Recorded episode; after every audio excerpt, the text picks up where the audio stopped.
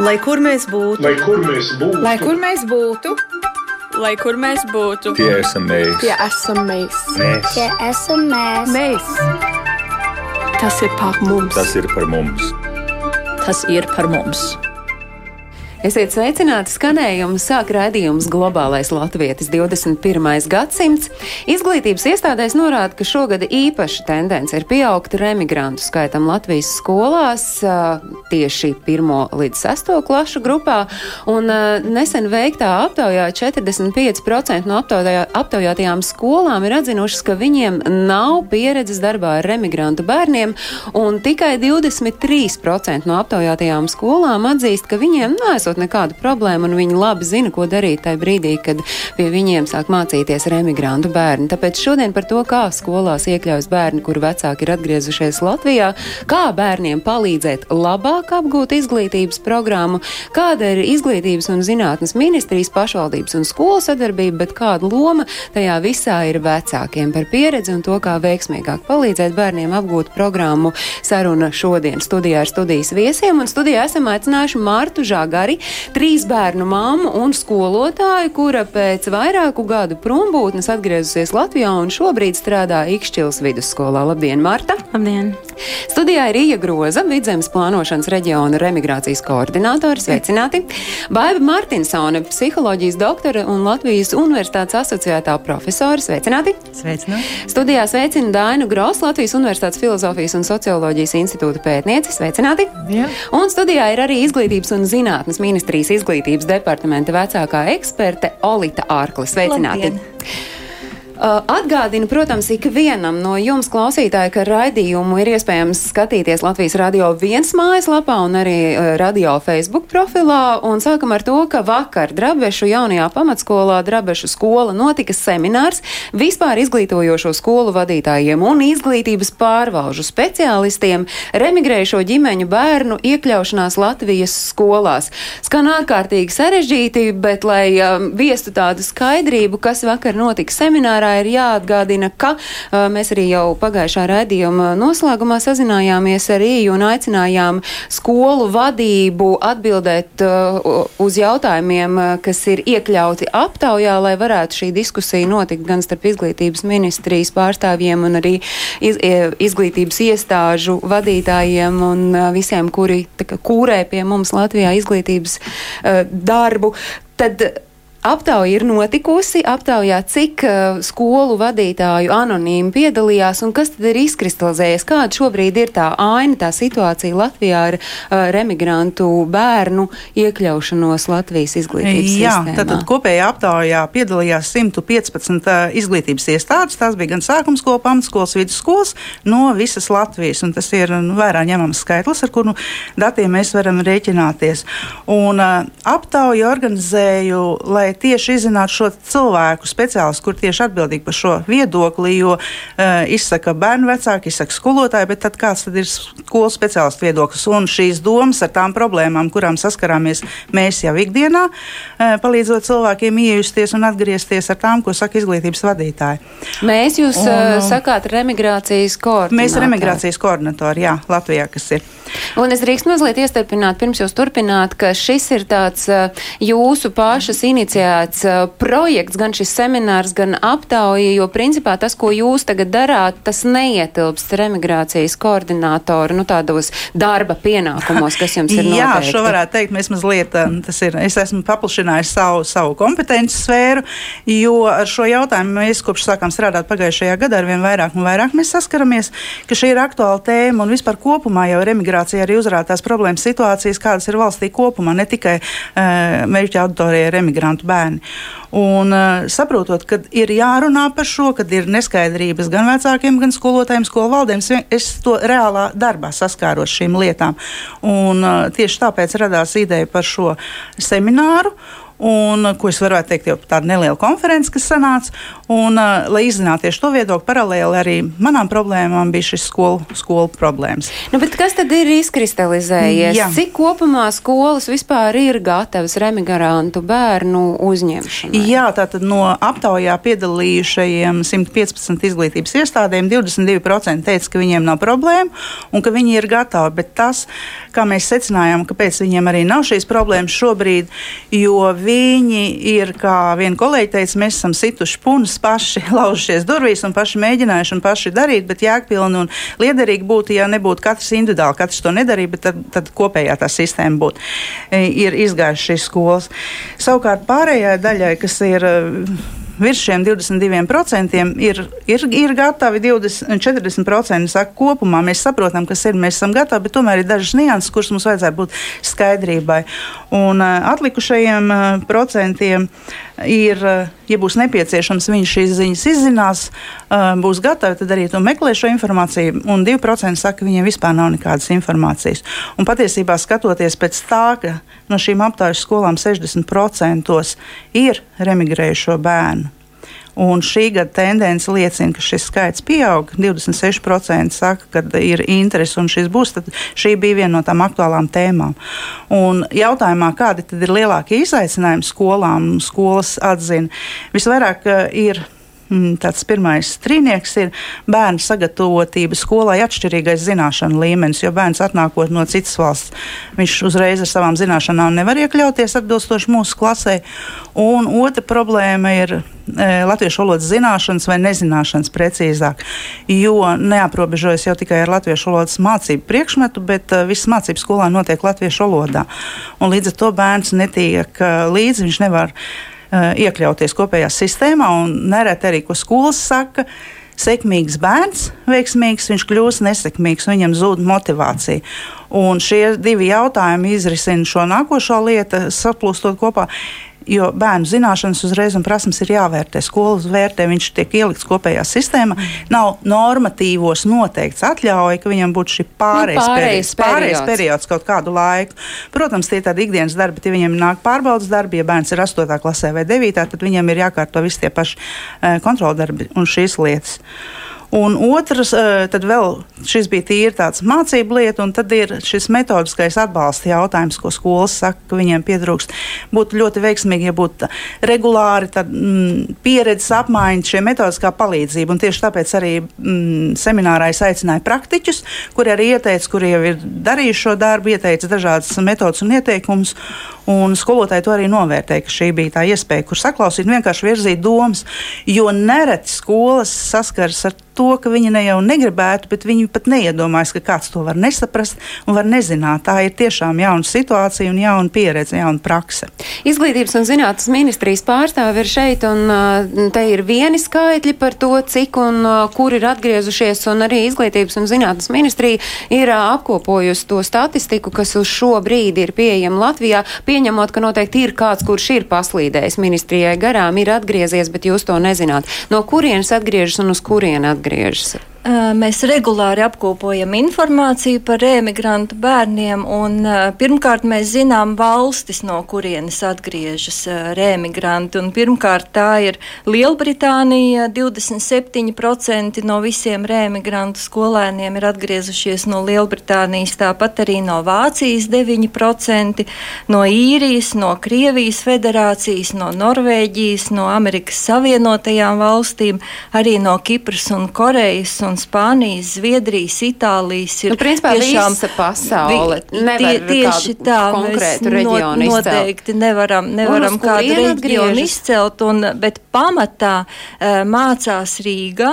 Tie ir 53% skolēnu, kuri mācās Rīgas skolās pēc atgriešanās. Un, uh, tāpat arī Daugaupilī 9%, arī Pierīgā 5%, Gulbenē, Ventspilī, Valmierā un atkal var teikt, teikt, ka gandrīz vai katrā pilsētā, katrā reģionā.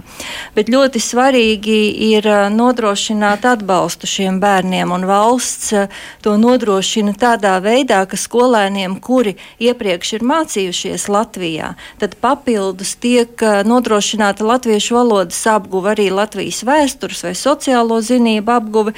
Tie, kuri ir, ir mācījušies tie, kuri ir vi, Latvijā. vienu mācību gadu, ir tā atšķirība, bet tie bērni, kuri nav nekad mācījušies Latvijā, tur, protams, atbalsts ir vajadzīgs lielāks, un tie ir no viena līdz trīs mācību gada laikā ir pieejams šis atbalsts, bet tā ir papildus latviešu valoda pie stundu plānā jau esošajām valodas stundām, tātad kā kurā pašvaldībā ir divas stundas vai trīs vai četras vēl papildus latviešu valodas apguvēja. Bet vai visur tas tā reāli arī strādā? Ir dažādi tas, ko skolu vadītāji saka, un skolas šīs papildus stundas ir iespējams uh, papildus stundas no piešķirtā finansējuma apjoma. Jo un... lielāka skola, jo viņiem ir vairāk šis uh, finansējums, ar ko viņi varētu operēt. Tā ir viena lieta, un otrs ir pašvaldība atbalsts.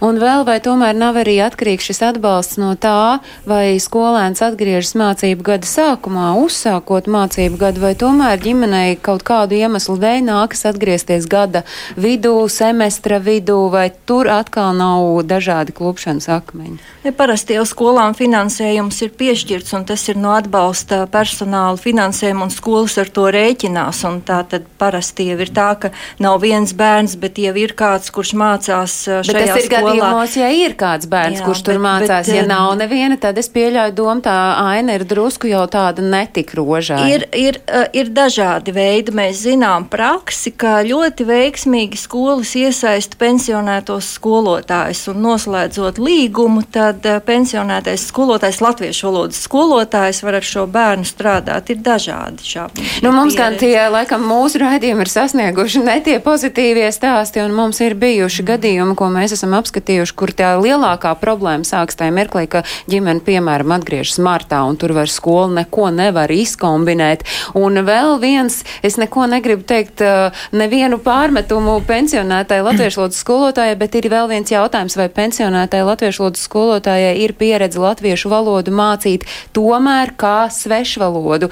Marta, jūs esat atgriezusies, jūsu vecākais bērns ir uzsācis šobrīd mācības pirmajā klasē, un te uzreiz ir tas jautājums, nu kāds ir tas ceļš no no tā mirkļa, ka es esmu vēl mītnes zemē līdz skolai kāds tas bija jūsu gadījumā, un tad uzreiz būs arī jautājums, kā tas ir uh, vispār, kā tas realitātē notiek. Mums tas bija dažādi. ļoti ātrs. Mums viņš sākās Jāņos un beidzās tagad, sākot iet skolā.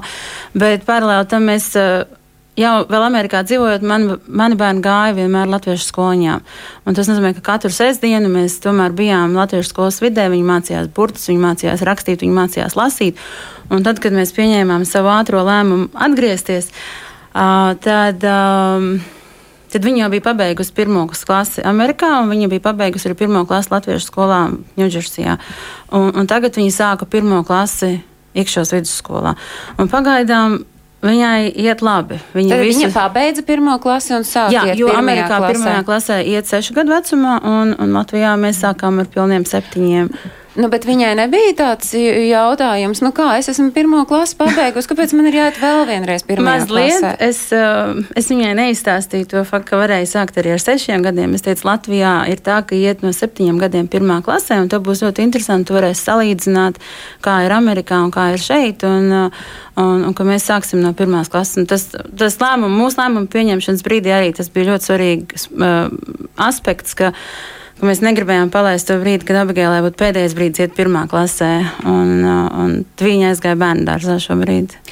Jautājums, Baibi, jums kā psiholoģijai, tad nu, šis uh, aspekts, es mācījos pirmajā klasē, es atbraucu, man ir jāiet atkal pirmajā klasē, vai pasargdies, mans bērns uh, mācījās septītajā klasē, atbraucot pēkšņi nezinu kādu vai novērtējums vai kas cits norāda, ka viņam ir jāiet klasi zemāk.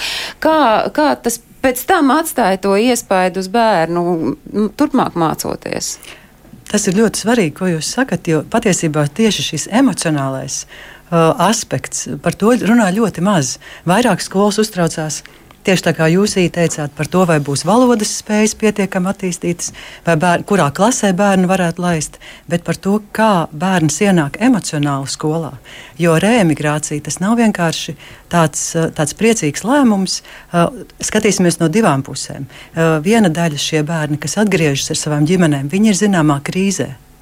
Jo atgriešanās notika tāpēc, ka bija kādi negatīvi iemesli. Piemēram, vecākiem neizdevās dzīve, vai notika šķiršanās, vai, ne, vai nevarēja nopelnīt tā, kā bija cerējuši. Viņi atgriežas mājās savā, nu, savā uh, dzimtenē, un, un līdz ar to viņi paši ir krīzē un nevienmēr var atbalstīt bērnu.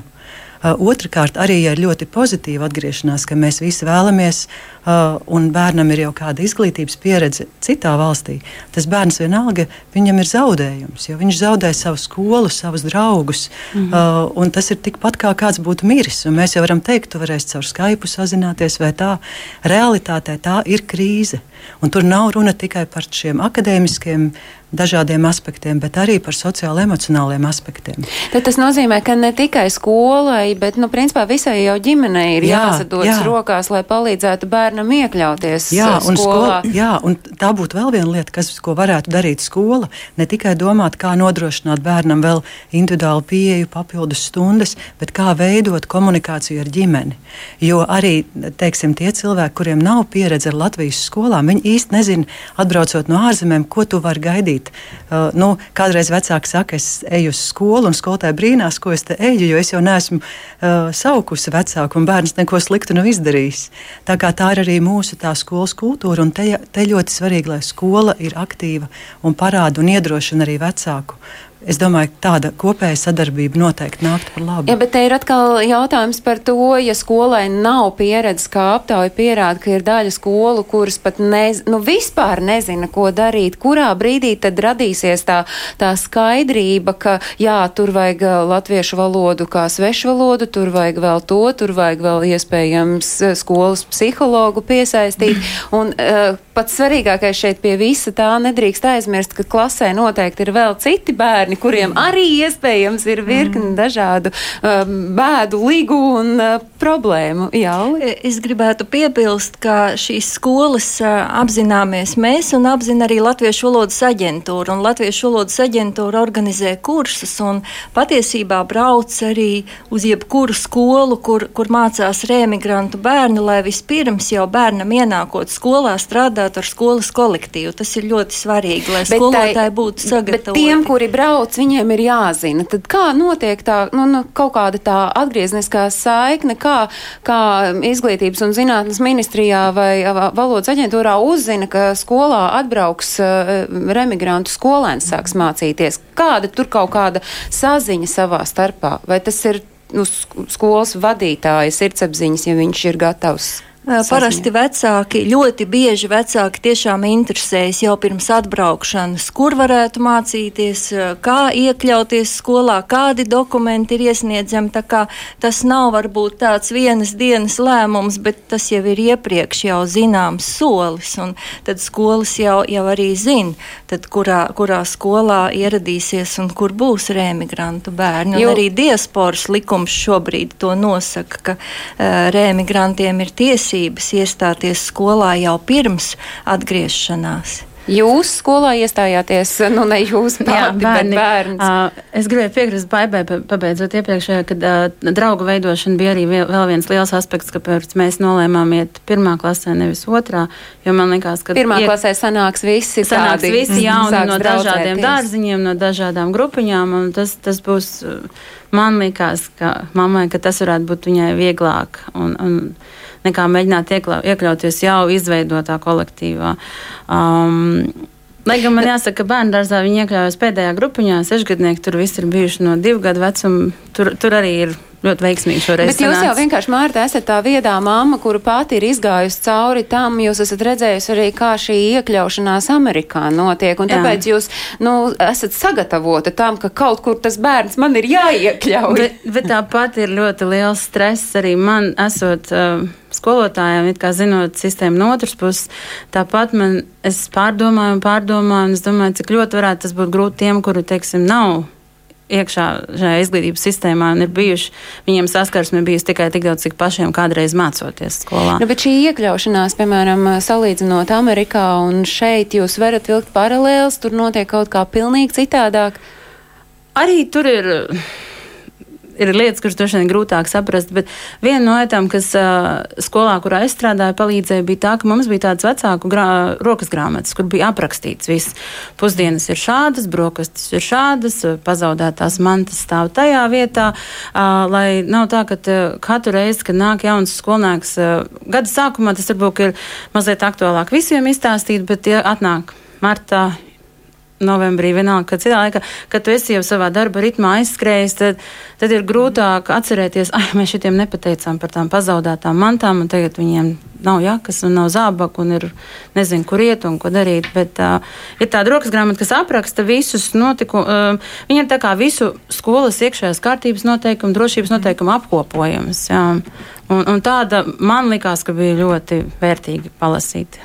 Mhm. Es teiktu, ka šī pieeja ir ļoti, ļoti atbalstāma, jo mēs dzirdējam tagad divas pieejas. Jūs runājat par pieeju, ka ir sagatavota sistēma.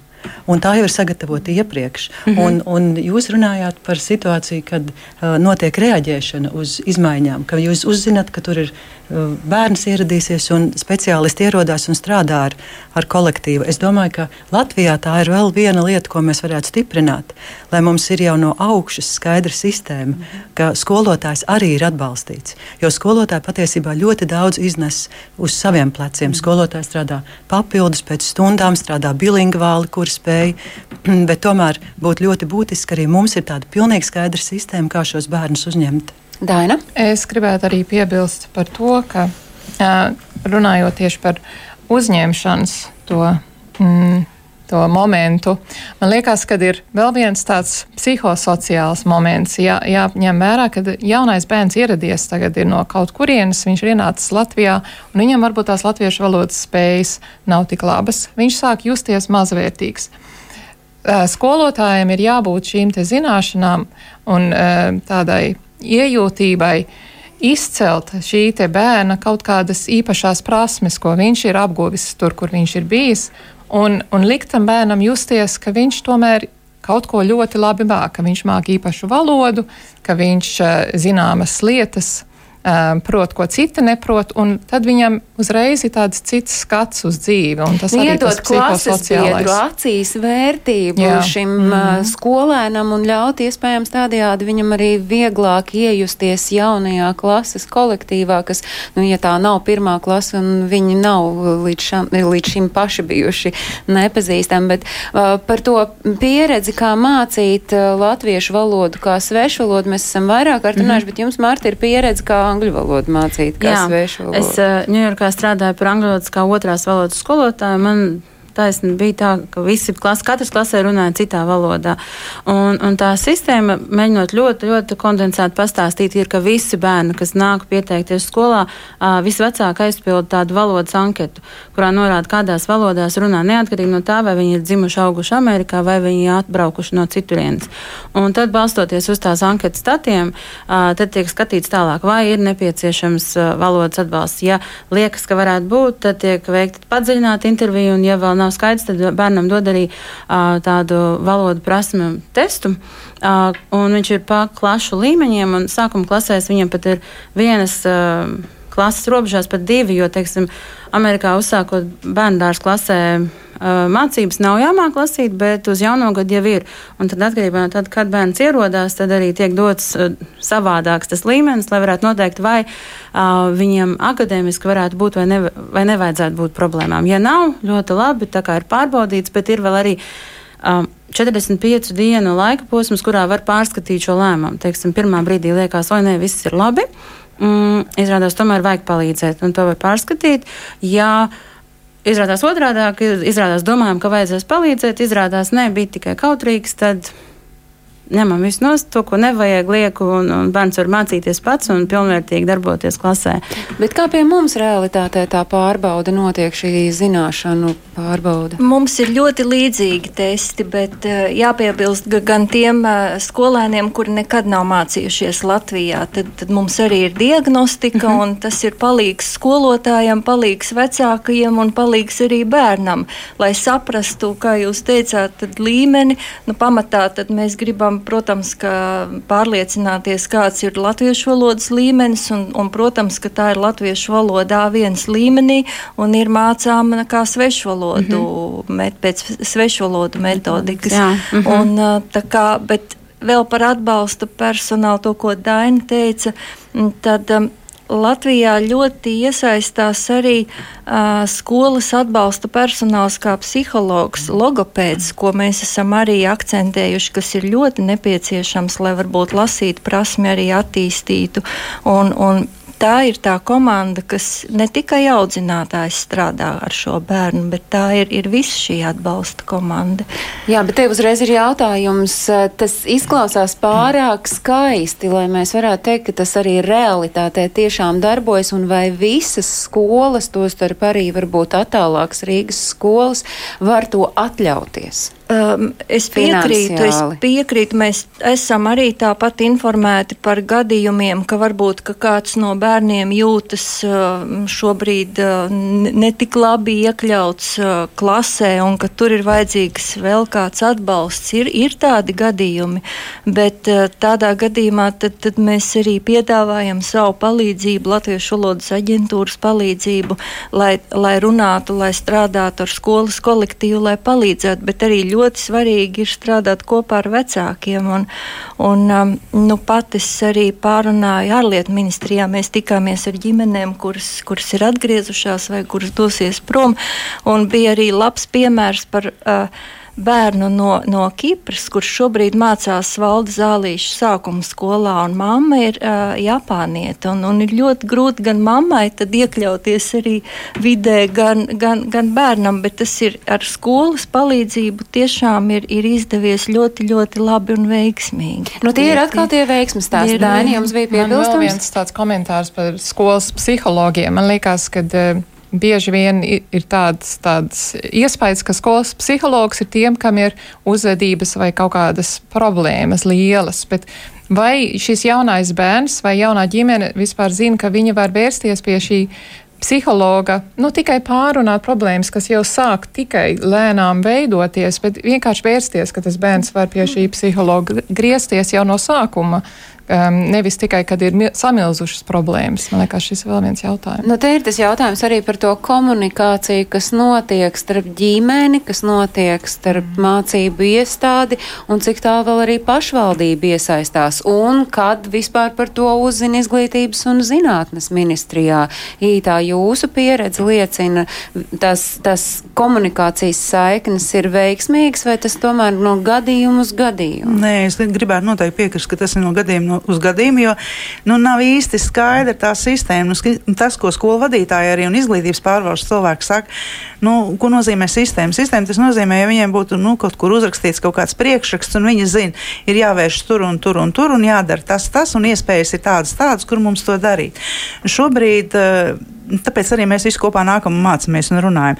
Šobrīd šie MK noteikumi 591, kas ir noteikti, kas ir skolai jādara, bet arī tur skolas ne visas viņus ievēro un arī diezgan arī interpretē šos, šos, šos noteikumus, kā tie pārbaudas darbi un kā notiks ar klasēm. Un arī ir bijis e, šajos pat noteikumos teikts, ka ir klasē atbilstoši vecumam, bet nu nevienmēr arī dzīvē nonāk, kad ir atbilstoši vecumam, bet e, pēc tam atkal saskars ar to problēmu. Un, uh, Ja, jā, un, un te, ja jūs sakāt, ka ir virkni dažādu problēmu, tad, uh, un, un ka vecāki nevienmēr visu zina, te ir jautājums, piemēram, par tiem pašiem dokumentiem. Uh, tos ministra kabineta 591. noteikumus, kas paredz to kārtību, kādā izglītojamais uh, uzsāka izglītojamā procesu. Tad tur arī var staipīt uz priekšu, uz atpakaļ. Katra skola jā. droši vien skatās uz šiem noteikumiem jā. ar savu jā. skatījumu. Jā, tas... Jūs arī aptaujā redzējāt, ka tur izkristalizējas kaut kādi klupšanas akmeņi. Tas, ko nebūšanas. skolas arī viņas nezina, tas, ko skolas arī ir sarunās un arī ir teikuši par šiem vērtēšanu, viņi tā kā gribētu skaidrākus noteikumus saprast par tieši vērtēšanas, nu, vērtēšanai, kas tad ir jāvērtē, ko prasa kādā. Jo noteikumi nosaka, ka ir jāizveido vērtēšanas komisija un tiek novērtēts valodas zināšanas un, un pārējās zināšanas, bet tur diezgan interpretācija iespējama. Un uh, tad tas nākamais arī tā, tā, tā saziņa ir arī ka viņi tālāk nezina, kur īsti griezties. Un, un, protams, Latviešu valodas aģentūra ļoti daudz palīdz, bet tas ir tas, kā minējāt, jau pēc tam, jo viņš jau iepriekš nav zinājis. Un, nu, jā. Bet arī izglītības pārvalde, nu, kas liekas tāds nākamais solis, kur vajadzētu vērsties, saprotu, ka arī izglītības e. pārvaldē arī tās zināšanas nav mm, pietiekamas. Jā, to es arī mazliet arī baidījos, nevis baidījos, bet, bet bija arī tādā, tāds lielais jautājums, vai izglītības pārvaldēm eh, tas būtu viņu darbs, skolotāja metodiskā izglītošana, tālāk izglītošana mm. vispārējais. Bet redzot viņu ieinteresētību un pieteikšanos semināram un pēc tam šobrīd atgriezenisko saikni, es saprotu, ka arī viņiem iztrūkst. Un bieži vien es gribētu teikt, un pirms raidījuma mēs Martu runājam, arī iedomāties nevar, ka tā ir problēma, ka tas būtu jāstrādā, ka to vajag mm. tīri parastas lietas. Nu, tas ir tā iemesla dēļ, ka vienkārši mēs uh, pirmo reizi, varētu teikt, Jā. neviens vien no skolām, no skolu vadītājiem nonāk vispār tādā situācijā, un tad sāks tāda mm. uh, deja. Jā Kā ir, kāda ir tā mana izpratne jums, uh, Olīt, kā izglītības un zinātnes ministrijas pārstāvēja? Es, sakāms? es ļoti atvainojos, Ija, bet es nevaru piekrist, ka pašvaldības nav informētas un pašvaldības nezina kārtību, kā, kā uzņemt un kādi ir, ir, ir noteikumi, jo šobrīd mēs esam lūguši pašvaldības iesniegt priekšlikumus, jo mēs mm. strādājam ar šiem noteikumiem un mēs grozīsim šos noteikumus. Mēs par 590 jā, mēs runājam nu, par skolām. Šobrīd, bet šobrīd stājoties, nu, nā, jūsus, jums nebija vienkāršās iepriekšējās pieredzes, iepriekšējās izglītības. Nebija, jums taču pirmā klasa bija pabeigta, tad jūs atnācāt Jā. uz skolu tieši kādus dokumentus, Marti, jūs uh, savu bērnu skolā. Nu, man iekārtojat. jāsaka, paveicās. Uh, Vismaz man ikšos vidusskolā piesakoties, viss likās puslīdz saprotams. Tā man no visām sadaļām bija vienkāršākā sadaļa. Es iegāju skolas mājaslapā, tur bija sadaļa uzņemšana, sadaļa apkārt, apakšā bija pirmās klases uzņemšana, bija tā veidlapa. Es viņu aizpildīju, es viņu aizsūtīju pa e-pastu, un tad, kad mēs atbraucām, es viņu aiznesu parakstīto versiju uz, uz skolu, jo bija rakstīts, ka līdz 31. maijam vajag iesniegt zinot to, kas notiek pēc 31. maija, kad sāk lekt pa klasēm, es domāju, labāk, lai viņi zinātu, ka mēs braucam, nekā mēs ieradīsimies 26. jūnijā pēc Jāņiem, tad viņiem būs jādomā, kur to vienu vēl pielikt. Un, uh, un tās tik tālu man bija skaidrs, bet tagad klausoties, es domāju, interesanti, vai manai meitai arī būs jāliek tas uh, diagnosticējošais darbs pirmā klasē Jo es, piemēram, nezināju, ka viņai nu, kā, kā tas tālāk. Jā. Nē, pirmajā klasē tāda darba nav. Ir uh -huh. trešajā un sestajā mhm. klasē, uh -huh. bet tas ir valsts pārbaudas darbs. Tas ir, tas ir, diagno, tā ir diagnostika. À, lai, bet, vēl, lai valodas diagnostika, teiksim, nu, es, es kā mamma Jums saku, prasīja domāju, kāds, cik labi viņi prot latviešu? Ne, prasīja, vai prot. Uh, un es teicu, ka jā, ka prot. Bet, uh, Es arī mm. nespēju šobrīd izvērtēt, arī kā mamma, vai viņa zina pietiekami priekš pirmās klases. Mm -hmm. Es domāju, ka viņai sākot tas pamats tagad veidosies ļoti stabils, un, un, un lasīt viņa māku, un rakstīt viņa māku, un izlasīt vakar lasījām dabas zinātnes. Viņa varēja, varēja arī paskaidrot mājās. Uh, Man liekas, ka viss būs labi. es varu piebilst vēl, es domāju, ka arī Tas ir ideāls laiks vispār, kad bērniem pārcelties tajās pirmajās sākuma skolas klasītēs, jo tad ir daudz vieglāk vispār iekļauties. Jo mm. no pieredzes um, interviju ģimenes uh, savā pētniecībā es redzu, ka tās, tās problēmas visvairāk rodās tad, kad ir jau vidusskolas, uh, sākot no 7. līdz no 12. klasē, un tur jau ir Um, jāprot valoda zināmā līmenī, un tur ir jau nopietni um, jāpieiet tai lietai, jo tā valoda tomēr tiek sagaidīta augstākā līmenī nekā iespējams ir tajā die, mm -hmm. diasporas skoliņā varētu to iemācīties un pat tālmācībā. Un tad, tad tiešām ir mm -hmm. um, latviešu valodas skolotājiem, ko piestrādāt. Un, man ir bijis gadījums intervējot vienu skolotāju, kur viņi saka, viņi ir pēc labākās gribas centusies vienai iesācēji, um, meitenei, kas mācījās latviešu valodu, kā iesācēji centusies um, dabūt, lai viņas tas latviešu valodas līmenis ir pietiekoši labs, lai var tikt līdz, un tā bija ļoti grūta tāda, tāds uzdevums šai skolotājai. Te ir, mm. man skat, es skatos uz baibu kā uz uh, psiholoģiju. Uh, te ir tas uh, atbalsts, man liekas, būs vajadzīgs uh, arī tam skolotājam, ja viņam Nozīmīgi. būs jāmāca mm. latviešu valoda vienam uh, skolēnam, kurš, uh, ja, ja viņš neiemācīsies, tad, uh, tad viss. Tad uh, netiks tālāk, uh, nu nezinu, vai paliks mm. uz otru gadu vai kā citādi apstāsies tas mācības. Man liekas, tas ir traks uzstādījums. Uh, jūs tagad tikko to pateicāt, un tā ir taisnība. Tā mūsu skolās ļoti bieži notiek. Un tā ir vienkārši absolūti neiespējama misija. Ja es tev neiemācīšu, tu netiksi. Abiem diviem, ja, tas, abiem ir. diviem tas ir šausmīgs spiediens, ka, ka mēs tos bērnus salīdzinām pret kaut kādiem saviem kritērijiem. Mums vajadzētu tam bērnam būt centrā un tad visu mēģināt pielīdzināt, lai tas bērns varētu iet uz priekšu. Jo mēs jau varam ļoti vienkārši, arī psihologiem ir instrumenti. Mēs varam ar sasniegumu testu, standartizētu testu novērtēt bērnu sasniegumus matemātikā un latviešu valodā. Mēs varam skaidri apmēram pateikt, kādam līmenim bērna nu, mācīšanās iemaņas atbilst. Nu, labi, ja mēs neskatāmies uz šo bērnu kā uz dzīvu cilvēku, mēs viņu, labi, tev ir 13 gadi, tu atbilsti nu, tu mācījies 7. klasē, bet mēs tev liksim 6. klasē. Un tad mēs iedomājamies, ka tas bērns vienkārši būs motivēts, viņu atliek gadu atpakaļ, viņš čakli uh, iedzīs valodu, un tad pēc tam tad viņš ies uz priekšu ar visu galveno plūsmu. Bet mums tad jā, jārūpējas, lai viņa motivācija nezūd. Kāpēc mums jāiedomājas, ka viens, viens eh, jauns cilvēks, kurš ir piedzīvojis zināmā mērā fiasko, ka viņš tagad gribēs padziļināt, studēt Latvijas vēsturi un latviešu valodu, lai tad nākamgad ietur, viņš teiks, pff, À, tā Marta, jā, man piebilstams, tas ir mana personīgā pieredze, un es nedomāju, ka tā ir vienīgā, jo ir pasaulē dažādi veidi, kā valoda, valsts valoda māca kā svešu valodu, bet Ņujorkā es biju tas atbalsta personāls tiem skolēniem. Es mācīju vidēji no 4 līdz 8 stundām nedēļā pēc likumdošanas noteiktā atkarībā no viņu valodas zināšanu līmeņa, gan savā klasē, tā, mazās grupās, gan, gan ejot klasē un palīdzot ar priekšmetu. Um, Mācīšanos.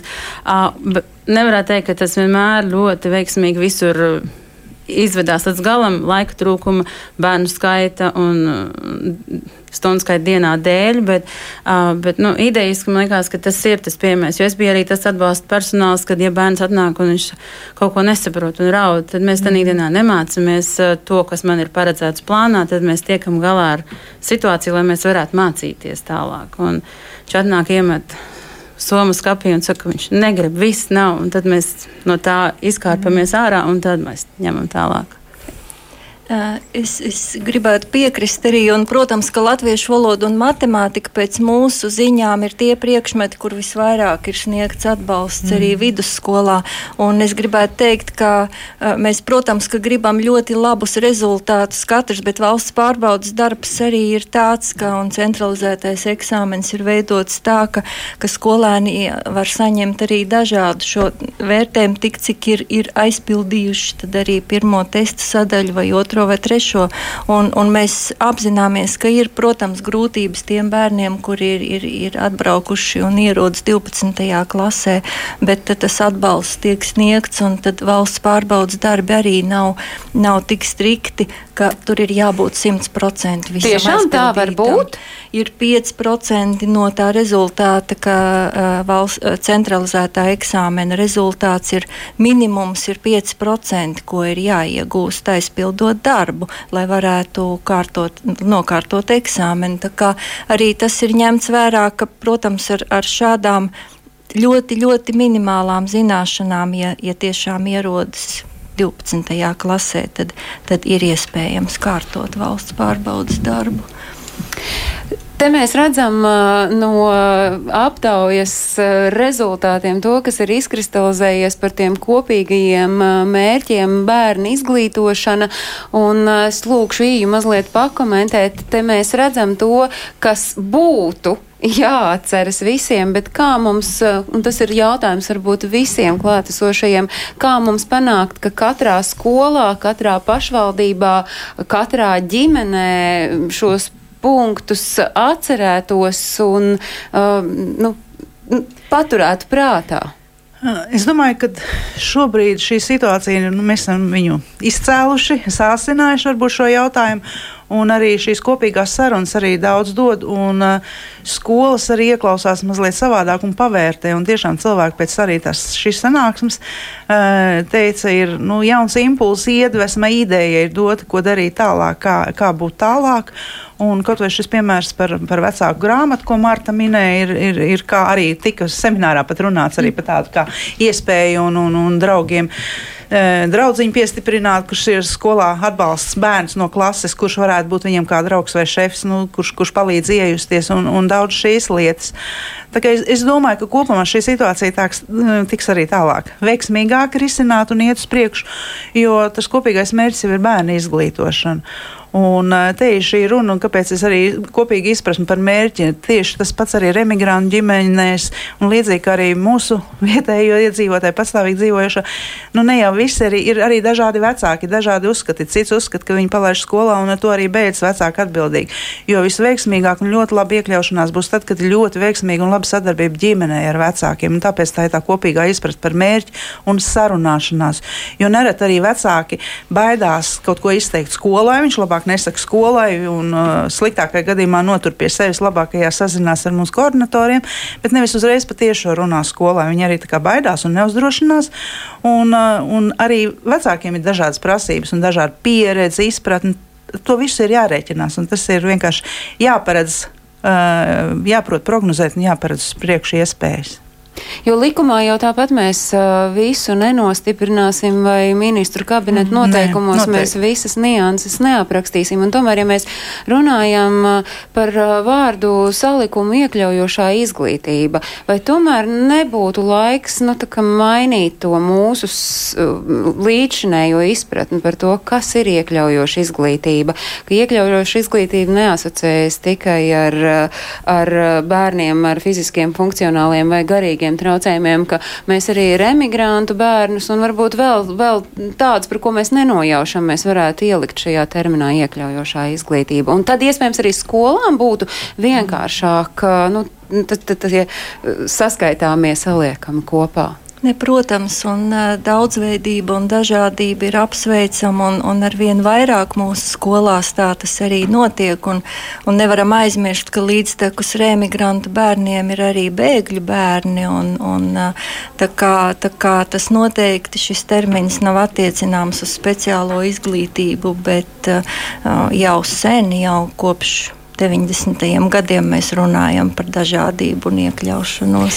Nu, ja mēs šeit studijā satiksimies pēc, eh, nu labi, varbūt ne gluži pēc gada, bet pēc diviem, trim, eh, kāda tā aina jūsuprāt būs? Tad eh, kādas tās problēmas tad mēs izcelsim un par ko mēs varētu tad runāt, ka nu, šo mums ir izdevies atrisināt? Tas ir interesants uzdevums. Mums tā pēkšņi iedomāties. Bet uh, es gribēju vēl tikai vienu lietu piebilst īsteiktajam, vēl runājot par to, kas būtu tas vēlamais, uz ko mēs tiecamies.